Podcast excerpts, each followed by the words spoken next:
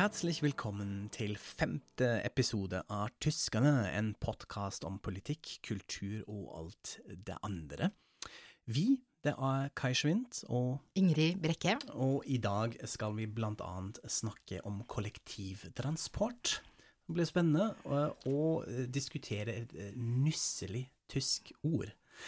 Men det gjør vi senere. Først skal vi snakke om en ja, tidsepoke, rett og slett. Weimacher republikk, som har fått en slags ja, renessanse i offentligheten i det siste eh, i Tyskland, og jeg tipper også snart i andre land. Det kommer vi tilbake til. Um, som er en sånn uh, ja, epoke som man egentlig ikke har snakket så mye om, i hvert fall ikke i Tyskland. Altså denne mellomkrigsepoken mellom første og andre verdenskrig, som er jo veldig avgjørende. Uh, spesielt for å forstå andre verdenskrig, men um, ja, som man ikke har fokusert uh, så mye på. Eh, både du og jeg, Ingrid, eh, var tilfeldigvis på samme utstillingen som nå pågår i Kunsthalle Schirn i Frankfurt, eh, min hjemmeby, og har sett ja, denne utstillingen som heter Weimar Republikk. Hvor man har klart, syns jeg i hvert fall på en utrolig bra måte, å fremstille hvordan ja, kunstnere har Uh, avbildet eller speilet denne perioden. Uh, mest kunstnere fra den tiden uh, selv.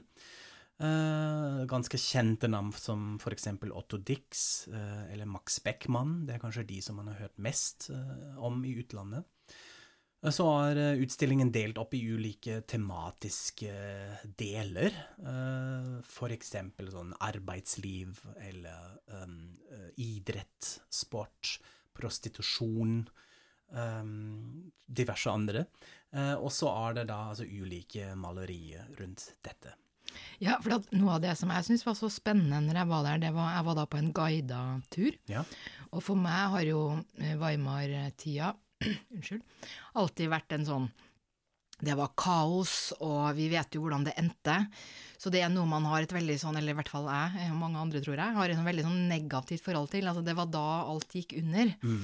Men denne guiden sa så tydelig og klart at men det skjedde også så mye annet som pekte i den andre retningen. Altså det var eh, feminisme, det var en eh, ny type menneskelig frigjøring på mange eh, plan. Det var mye vitenskap, forskning, masse nobelpriser som gikk til Tyskland. Så det var en utrolig sånn dynamisk tid, sånn at den trakk liksom i alle retninger. Og det syns jeg også den utstillinga viser veldig godt, da.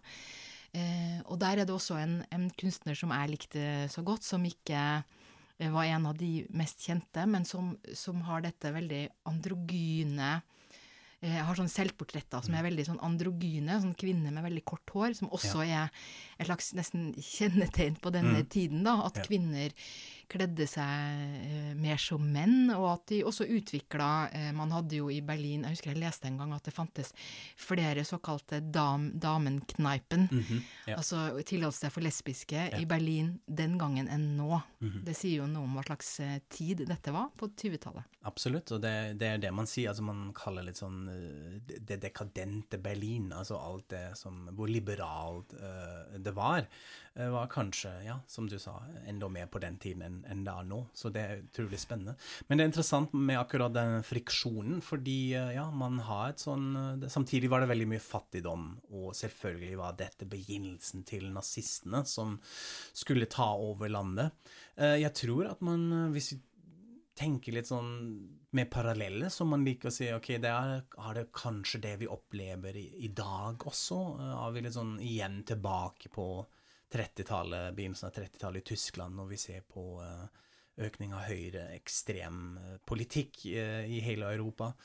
Hvor jeg får alltid en sånn følelse Er det kanskje sånne perioder hvor samfunnet ikke helt henger med med all den utviklingen som skjer? Mm. Det skjer så mye på ulike områder at mm. man trenger litt tid for å følge etter og ja. henge med, og at man klarer ikke helt sånn å få alle med, kanskje også, eller formidle det, i hvert fall.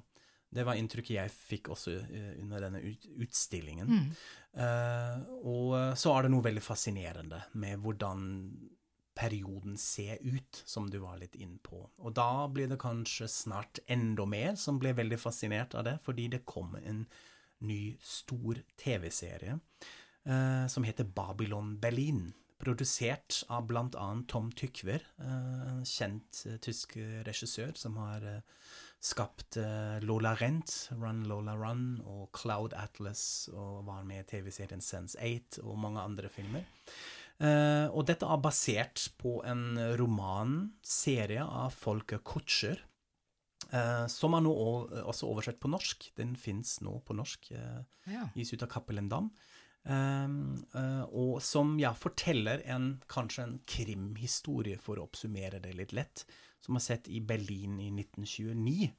En eh, um, politimann, en kommissær, eh, som ble overført til politiets sedelighetsavdeling i Berlin fra Köln eh, i 1929 eh, og skal da begynne å jobbe der, men som egentlig etterforsker en, en egen, helt privat uh, sak. Og uh, ble etter hvert kjent med en ung, uh, ganske feistig dame som heter Charlotte Ritter. Som har altså klart å snike seg inn i politidepartementet i Berlin eh, og har lyst til å bli etterforsker, men som kommer egentlig fra en, fra en utrolig fattig familie. Og I Neukölln. I, i Neukölln, ja. Ja. Og de to må jobbe sammen, eh, og så eh, skjer dette på bakgrunn av eh, store politiske omveltninger, demonstrasjonene, det dekadente Berlin som vi er inne på. De er i veldig spennende underholdningslokaler og barer og opplever dette, litt sånn Berlin på slutten av 20-tallet. En utrolig fascinerende serie, veldig spennende, fordi man opplever dette eh, tidskoloritet, som man sier på tysk. Jeg vet Ja, ikke om det fungerer på tidsånden, eller ja, ja. tidsånd veldig godt, samtidig som den fungerer litt sånn som, en, som de store Netflix-seriene òg. Og det er også litt interessant i seg selv, eh, i hvert fall hvis man har medieviter. Eh, bakgrunnen av serien er den dyreste tyske TV-serien noensinne. En koproduksjon av Sky Channel med ARD, som har også aldri skjedd før. Altså at en sånn privat eh, nisje abonnementkanal eh, jobbet sammen med den største kringkasteren. Koster tror jeg, 40 millioner euro, hele serien. Eh, og eh, det er to sesonger nå som er ute, og det skal bli mer. Eh, også utrolig interessante skuespillere som er med. Jeg tror det som er veldig gøy, at man ikke bruker litt sånn samme kjente TV-ansiktspersonale som man gjerne gjør i sånne store TV-serier i Tyskland. Det er en del okjente og ukjente, og det er veldig bra. Blant annet det, Han er ikke ukjent, men en fascinerende rolle. Mathias Brandt, en eh, kjent tysk skuespiller som har sønnen til Willy Brandt. ja, en norsk link, det liker vi, vet du. Ja, absolutt. Ja. Eh, Han spiller en veldig fin rolle. En eh, ja, regjeringsråd, regierungsrat, altså en politileder, som er jøder. Og da aner man jo at dette kommer ikke til å gå så bra for han. Det får vi se i de sesongene etter hvert. Men også Lars Eidinger er med, en utrolig kjent tysk eh, teater- og filmskuespiller eh, som har et sånn rykte for å kle seg naken veldig mye på scenen, og det gjør han også i Babylon Berlin. så det er jo veldig hyggelig for alle som liker å se på Lars eh, naken. Eh, så det er eh, veldig gøy, og serien kommer til Norge til høsten. Ja, NRK har eh, Ja. kjøpt den. Ja. Mm. Så eh, da tror jeg ble det enda en renessanse av Weimarer republikk, eh, fordi det er eh, en utrolig spennende periode. Ja. Og nå må vi konstruere en link til vår neste tema. Altså, folk kjørte jo også med buss i Weimarer republikk, ikke sant, Ingrid? ja, det gjorde de. Og det, det gjør vi i dag òg. Ja, det, sånn er det. Så nå skal vi snakke om kollektivtrafikk. Veldig bra. Ja. Og det gjorde det litt vondt, beklager. Ja, det var mm. Men det er bare å hoppe i det. Eh, ja. Eh, for å bedre luftkvaliteten i tyske byer, så vil altså den nye regjeringa teste gratis kollektivtrafikk. Mhm. Og de har da pekt på fem byer hvor dette skal gjøres. Bonn, Essen, Bonn, Essen, Herrenberg, Reutlingen og Mannheim. Eh, og det er altså ett av flere tiltak eh, som skal dempe privatbilismen. Eh, blant de andre tiltakene så er støtte til eh, elektriske biler og egne soner for eh, tungtrafikk. Og det er klart at Bakgrunnen for dette tiltaket eh, henger selvfølgelig sammen med dieselskandalen. Og det at det har vært et sånn stort tema, eh, i hvert fall siste året, kanskje lenger også, at eh, noen tyske byer innfører sånn periodevis eh, kjøreforbud for dieselbiler, nettopp på grunn av da luftkvaliteten. Men det er ikke den dieselskandalen og sånn vi skal snakke om nå. Nå skal vi mer snakke om eh, hvor bra og gøy det kan være med eh, kollektivtrafikk. For Kai er selvfølgelig kjempeglad. Du er selvfølgelig kjempeglad for dette tiltaket, som også de fleste tyskere er. Det har man allerede rukket å kjørt en meningsmåling på. Mm. Eh, for kollektivtrafikk, det er bra. Kollektiv, kollektivtrafikk er veldig, veldig bra. Eh, det som, som jeg syns er litt vanskelig Altså, jeg føler meg jo eh, ellers veldig godt integrert, men akkurat det området der eh, i Norge, og spesielt her i Oslo, det har jeg ikke helt skjønt.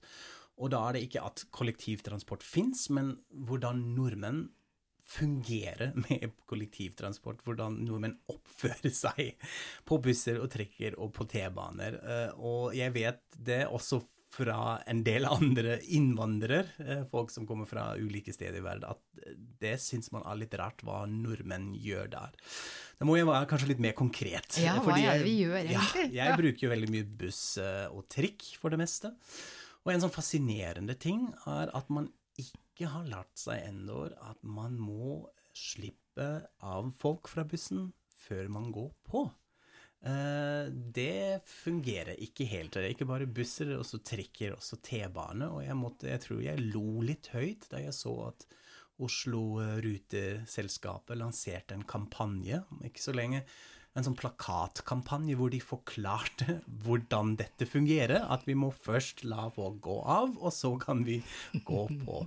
Eh, det er litt sånn, ja, kanskje litt søtt, og kanskje litt avhengig av dagsformen litt sjarmerende, men for det meste irriterende. Men enda mer irriterende syns jeg at man eh, på en måte Kanskje det virker som folk er litt redd når de er på busser, eh, at de kanskje ikke kommer seg av. Så alt samles i inngangsområdene. Da er det sånne hauger med mennesker som ikke eh, klarer å trekke seg litt lenger inn. Og nettopp i går opplevde jeg dette at en eh, mor med barnevogn kom ikke med med bussen fordi folk ikke klarte å trekke seg inn. Og så er det jo litt sånn krydringen til det hele, den eh, rare måten nordmenn beveger seg i offentligheten, nemlig at ingen snakker med hverandre. Eh, da er man veldig redd for å kanskje si fra du, unnskyld, kunne jeg komme forbi, eller kan jeg komme meg inn? Nei, det gjør folk ikke. Ja, for jeg må jo innrømme at jeg kjenner meg litt igjen i den der angsten for å bli stående Ja. for langt borte fra utgangen, da. Mhm. Sånn at man må liksom kjempe seg gjennom alle disse som står med ryggsekk og vet ikke hva. Mhm. Men, men hvordan, ja, hvordan er det man gjør det, da? Altså snakke sammen? Hva, Ja, hva, hva sier man da? Vi liksom? snakker sammen. Da sier vi f.eks.: 'Entschuldigung, kan ikke mer forbi?' Eller 'Ich muss hier aussteigen, jeg må gå av eh, neste stasjon'. Ja, da skjønner folk dette. Så det er generelt mer interaksjon eh, i Tyskland, og det må vi jo også fordi vi er mange flere enn dere. Det er kanskje noe av de grunnene. Altså, jeg skjønner jo at dette er litt sånn flåsete, men vi kan jo snakke litt om dette ja, hvor urbant det samfunnet egentlig er. For jeg tror det har noe med det å gjøre også. Ja, det har det sikkert. Det er jo, det er jo mye som eh, Ja. Det er mye som kan forklares hos oss med at eh, vi er et, eh, et bondesamfunn, eller folk Vi er et lite urbant land, da. Mm, Eh, hvor, hvor våre største byer er veldig, tross alt veldig små, og selv Oslo er jo ikke en gigantisk by i Europa. Og fordi vi har hatt så mye plass og bodd så langt fra hverandre, så har vi ikke hatt det samme behovet da, for å lære disse flotte eh, systemene, hvordan man kommuniserer i det urbane rom. Så det er vel kanskje det du merker, da. Og så er det Ja. litt det at vi er faktisk takknemlige vi, for at vi har kollektivtrafikk som kommer hvert tiende minutt. Absolutt. Så, ja. Og den, den gjør det jo. og Jeg skjønner jo at det er på en måte en litt sånn sur luksusjamring hva jeg gjør her. Men det, ja, eh, det er kanskje litt sånn andre ekstreme som man kan oppleve i, i, i Tyskland. At det er kanskje litt mer vanlig at folk snakker med hverandre på busser og trikker osv. Og, så videre, og da har jeg også blitt så norsk nå at når jeg er hjemme, at jeg syns det er litt rart også. Nå var det den damen som snakker med meg om vare eller sånt. Det syns jeg er litt rart. Hun er sikkert gal. Jeg vet ikke om jeg har lyst til å svare. litt sånn. Så det er jo kanskje mer, det er jo mer preget av den norske biten. Men du stiller deg ikke rett foran Nei. døra når de andre skal gå av, gjør Nei, du det? Nei, det gjør jeg ikke. Og jeg har også oppdaget at jeg har begynt å liksom koordinere ting av og til. Som kan være litt slitsom for venner og samboere og sånn, når jeg begynner å snakke med folk og liksom be folk for å trekke inn. Og kan du ikke henne inn? Sånn. Så jeg ser også at jeg muligens begynner å bli litt mye på det området. At jeg er litt obsesst med det spørsmålet. Men det er litt fascinerende. eh, Og det i kombinasjon eh, var f.eks. kommunenes sinns om offentlig transport, hvordan det ble utbygd eller ikke utbygd. Jeg husker fortsatt da jeg kom til Norge ca. Sånn ti år siden, hvor det fortsatt gikk T-bane som var bygd i 1965. Da var det sånne skilt inne hvor det står byg byggeår 65, hvor jeg tenkte jøss, er det mulig? Går de fortsatt? Man kan jo si det positivt og si ja, det er så god kvalitet eh, at de fortsatt eh, ruller her. Men eh, jeg syns man har kanskje ja, litt å gå der. Altså man må lære litt og investere litt mer. Kanskje også få ned prisene litt og gjøre dette enda mer. Du burde kanskje prøve Eh, litt gratis eh, ja, kollektivtrafikk i Oslo også? Jeg syns jo det er et sånt tegn for et eh, sivilisert samfunn, at dette er noe som borgere kan benytte seg av gratis. Spesielt i et veldig rikt land. Jeg vet at det er litt sånn enkelt eh, hvordan jeg argumenterer nå. Men ja, det, jeg tror det er litt sånn uh, Raum zur Verbesserung, som vi sier det diplomatisk eh, på tysk. Eh, men jeg bruker jo eh, kollektivtransport nesten hver dag, eh, og så det er jo Det fungerer jo stort sett her i Oslo. i hvert fall. Men ja, det er en fin blanding av litt infrastruktur og det måten folk oppfører seg og fungerer med hverandre. Så dette blir muligens ikke det siste gang vi har snakket om dette. Vi får se. Men det var fint at jeg fikk muligheten til det i dag. Ja, det fikk du. Eh, og fra en eh, utfordring som du, Kai, har i hverdagen, så skal vi nå til en eh, annen utfordring. For da er det min tur til å si noe du skal gjøre til eh, neste gang. Ok. Og siden det jo snart er påske, Mhm. så tenkte jeg at eh, i, altså, i Norge så er jo påska en av de mer sånn særprega eh, høytidene vi har, da, hvor vi har det litt annerledes enn mange andre. Vi sitter jo mye alene på hytta og spiller yatzy og spiser appelsin og er isolerte og hører på reiseradioen og sånne ting. Eh, og dessuten leser vi påskekrim som det eneste landet. Mm. Så da tenkte jeg at du kanskje skulle lese den boka som eh, er utgangspunktet for hele begrepet eh, påskekrim. Ok. Og det visste jeg ikke, at det er én bok som står bak dette. Ja. Å ja, spennende. Hva slags bok er det? Bergensbanen, ranet i natt. Oi. Ja. Ok. Så det er en bok eh, som kom på eh, 20-tallet, Mhm. skrevet under eh, pseudonym. Resten er det din jobb å, eh, å finne ut av, da. Ok, den Ja. skal jeg skaffe meg og Ja. ta med, til, eh, med i påsketuren til Frankfurt. Ja. skal jeg lese. Ok, spennende. Hva? Det skal jeg prøve. Skal vi snakke litt om ord? Ja. Vi har jo lovd eh, en nusselig tysk ord Ja. som vi skal snakke om i dag. Ja. Eh, og da er det du som kommer med. Fordi eh, vi kan jo også skryte av nå at vi har fått, fått vår første eh, tilbakemelding fra et menneske vi ikke kjenner. Ja. Og da, og, og da fikk vi også eh, inkludert en, eh, en tweet. Hvor noen eh, har skrevet da at eh, det, når man sitter i utlandet, og så hører man på Rammstein, og Tyskland virker så barskt og tøft og sånn, og så drar man dit, og så er det bare sånn uh, Chissy og, og all verdens uh, uh, nusselige måter å snakke sammen på, da. Eh, så det er ikke så hardt og barskt som man skulle tro utenfra. Ja. Og da kommer jeg til å tenke på et ord som jeg syns er fantastisk, nemlig halløkjen. Og det må man også si, som du sa det nå, Ja. med det samme smilet. Ja. ja, veldig fin. Halløken, altså Ja. lille hallo. ja. Mhm. Lille hallo. Ja. Så det har jeg f.eks. blitt møtt med eh, hos frisøren. Og jeg har en venninne som av og til eh, sier det, da. Og da syns jeg det er så koselig, og så, så blir jeg litt ekstra glad nettopp fordi det er sånn eh, at tysk også kan være så eh, nusselig, da. Og det, det er jo mye mer sånn kosegreier i tysk enn man kanskje skulle tro. Og i kommentarfeltet under denne tweeten så så jeg også en, et annet eksempel på hvordan man kan eh, eh, si ha det. Altså man sier jo tschüss, og så kan man si kyssi. Og så kan man si tschüssikowski. Det var nytt for meg. Men eh, sånn er det. Ja, vi liker å tulle med akkurat det. Jeg har også en eh, annen variant av halløkjen, nemlig halløkjen på pøkjen. Okay. Altså hallo, lille rumpe.